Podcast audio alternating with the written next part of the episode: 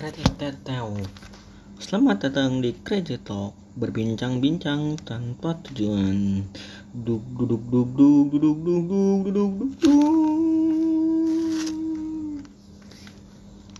Oke Sekarang itu episode pertama Mungkin gue belum tahu ya judulnya apa Mungkin sekarang gue mau berbincang-bincang sama temen gue nih Ada temen gue namanya Dava Nah mungkin gimana Dav? Gimana? Nah, mungkin di sini gue bakal ngobrol gitu terkait dengan sesuatu yang mungkin kita semua pernah mengalaminya ataupun merasakannya gitu. Kita bakal ngobrol-ngobrol mungkin ini jarang ya dibicarakan oleh seseorang laki-laki gitu tentang apa namanya itu sebuah perasaan. Nah, menurut lu tuh perasaan itu apa sih, Dok? Perasaan apa yang dirasa? Apa yang dirasa maksudnya gimana anjing? Yang dirasa ya ya kan manusia kan punya hati. Nah, itu bakal timbul perasaan. Nah, itu perasaan itu dari situ, dari hati. Kayak gitu. Berarti kalau orang yang hatinya sakit liver gitu punya Beda perasaan nggak?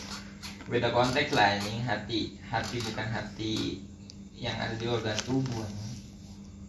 Berarti lu selama ini udah pernah merasakan jatuh cinta itu berapa kali sih? Dua kali. Dua kali. Dengan siapa? Yang lalu mah nggak usah disebutin lah. Sekarang aja yang kedua. Cin- cinta yang lu rasain itu cinta dengan sebuah perasaan atau cinta dengan sebuah kesangian? perasaan lah anjing sange mah bonusnya Oh, gitu. Kesangian itu adalah sebuah bonus dari sebuah perasaan yang telah kita utarakan. Apa yang disebut itu cinta itu?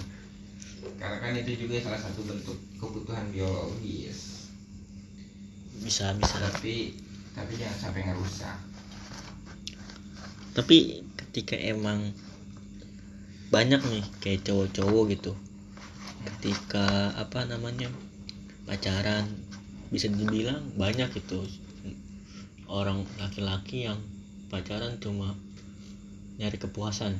Gimana tuh? Ya menurut gue ya itu fine fine aja sih ya. Tergantung niat sama sudut pandang dia aja. Buat pacaran buat niat itu pacaran tuh ngapain? Kalau emang niatnya buat ngewo di papap doang ya ya ya boleh boleh aja lah anjing. Nggak ada yang ngelarang juga agama doang yang ngelarang tapi ketika emang dia nantinya nih Hmm. menemukan seorang yang tepat Hmm.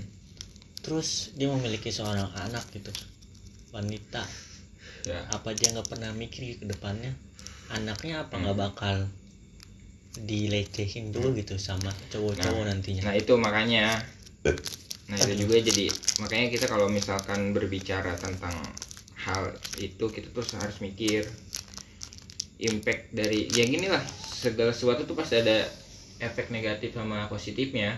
Ya mungkin positifnya lu puas gitu kan Pacaran sama cewek di papap doang. Tapi negatifnya kan Lu mikir gak sih keturunan lu kalau digituin kayak gimana? Kayak gitu. Jadi segala sesuatu apa yang lu kerjain tuh harus dipikirkan efek negatif dan positifnya. Kayak gitu bor. Kalau kita cuman nyari kepuasan gitu ya buat pacaran menurut gua mendingan pacaran sama pelacur sekalian anjing.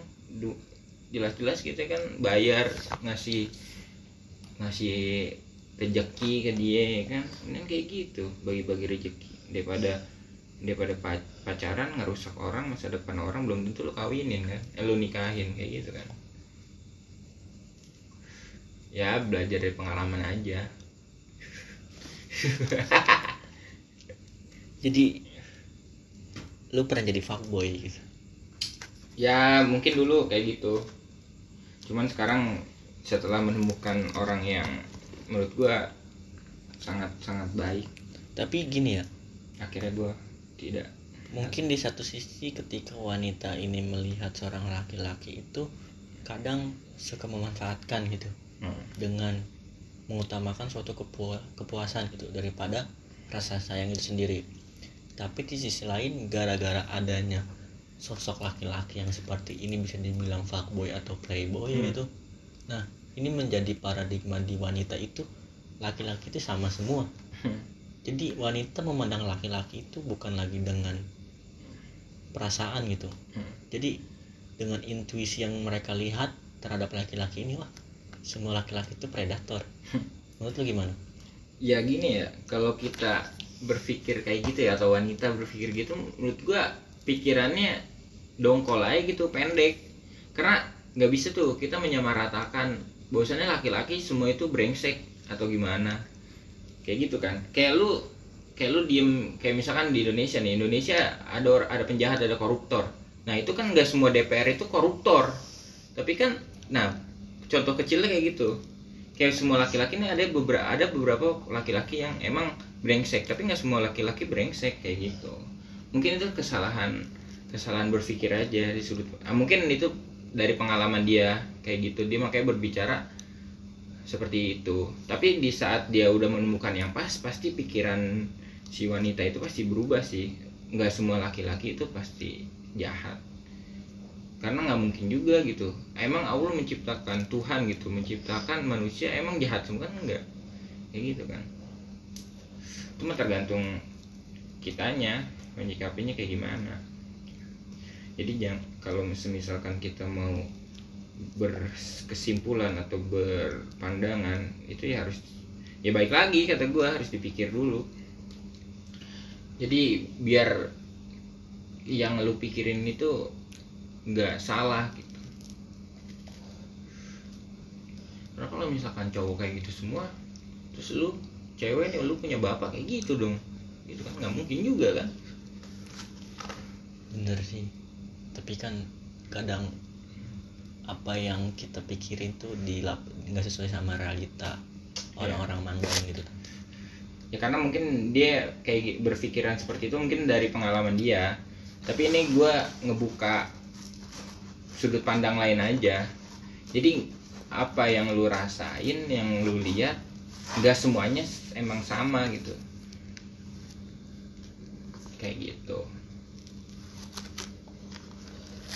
berarti itu mah tergantung apa ya tapi kadang ada loh kayak bukan cowoknya malah yang kayak gitu Hmm.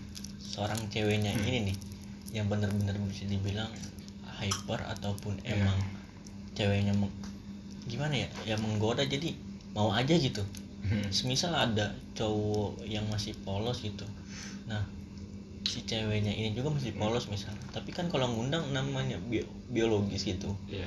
ngacang kan ngacang aja gitu Iya. ya kan Hmm. gak bisa di ini Hmm. tiba-tiba cuman yang namanya setan lewat kan kita nggak pernah tahu tapi kan Hmm.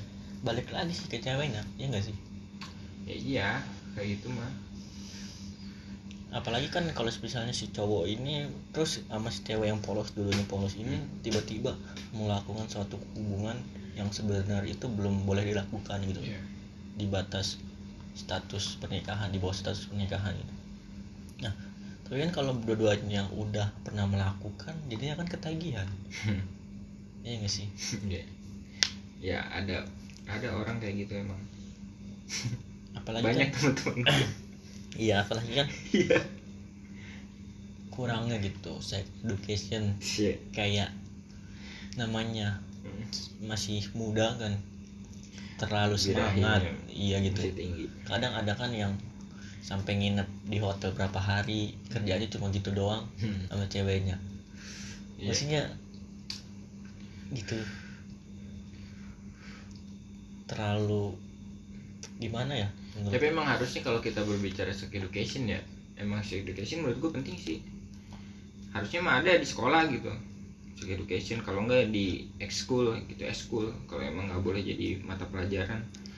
Karena banyak gitu dari ya ini pengalaman gue juga sih. Kayak banyak gitu orang-orang nggak ngerti gitu.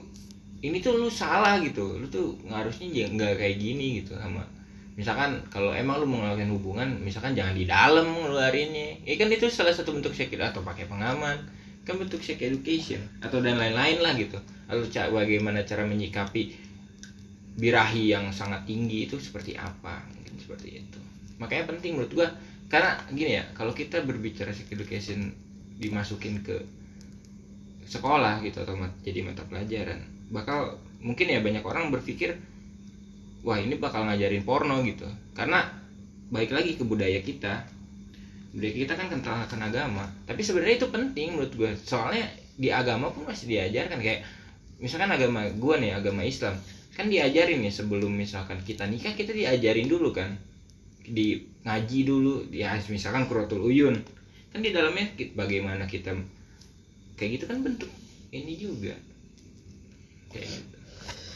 Berarti bisa kita simpulkan bahwa semua apa yang cinta itu ya apa yang kita rasakan Hmm. ya kan dan itu dalam bentuk suatu manifestasi dari perasaan itu gitu Hmm. tapi walaupun terkadang kita menyalahgunakan perasaan itu menjadi suatu kepuasan sendiri Iya. gitu nah kadang pentingnya juga yang namanya sex education gitu kayak semisal pendidikan di bawah umur juga itu penting itu untuk mengedukasi bahwa ini tuh maksudnya kita meng- apa ya menya- menyengam- mengenyampingkan gitu. Ini harap boleh atau tidaknya. Ya tapi kan kayak apa yang diajarkan di sekolah itu di bab terakhir biologi kan reproduksi produksi. Ya betul. Tapi kan hakikatnya manusia itu memiliki sifat yang namanya penasaran. Hmm. Ketika kita belajar hanya sebatas itu kita ya malah makin penasaran. Nah ya kan? Makin penasaran. Ngelakuin. Sex education itu sendiri. Apa? Sex itu sendiri seks bebas gitu. Mungkin obrolan kita cukup sampai di sini. Eh, sampai berjumpa di episode selanjutnya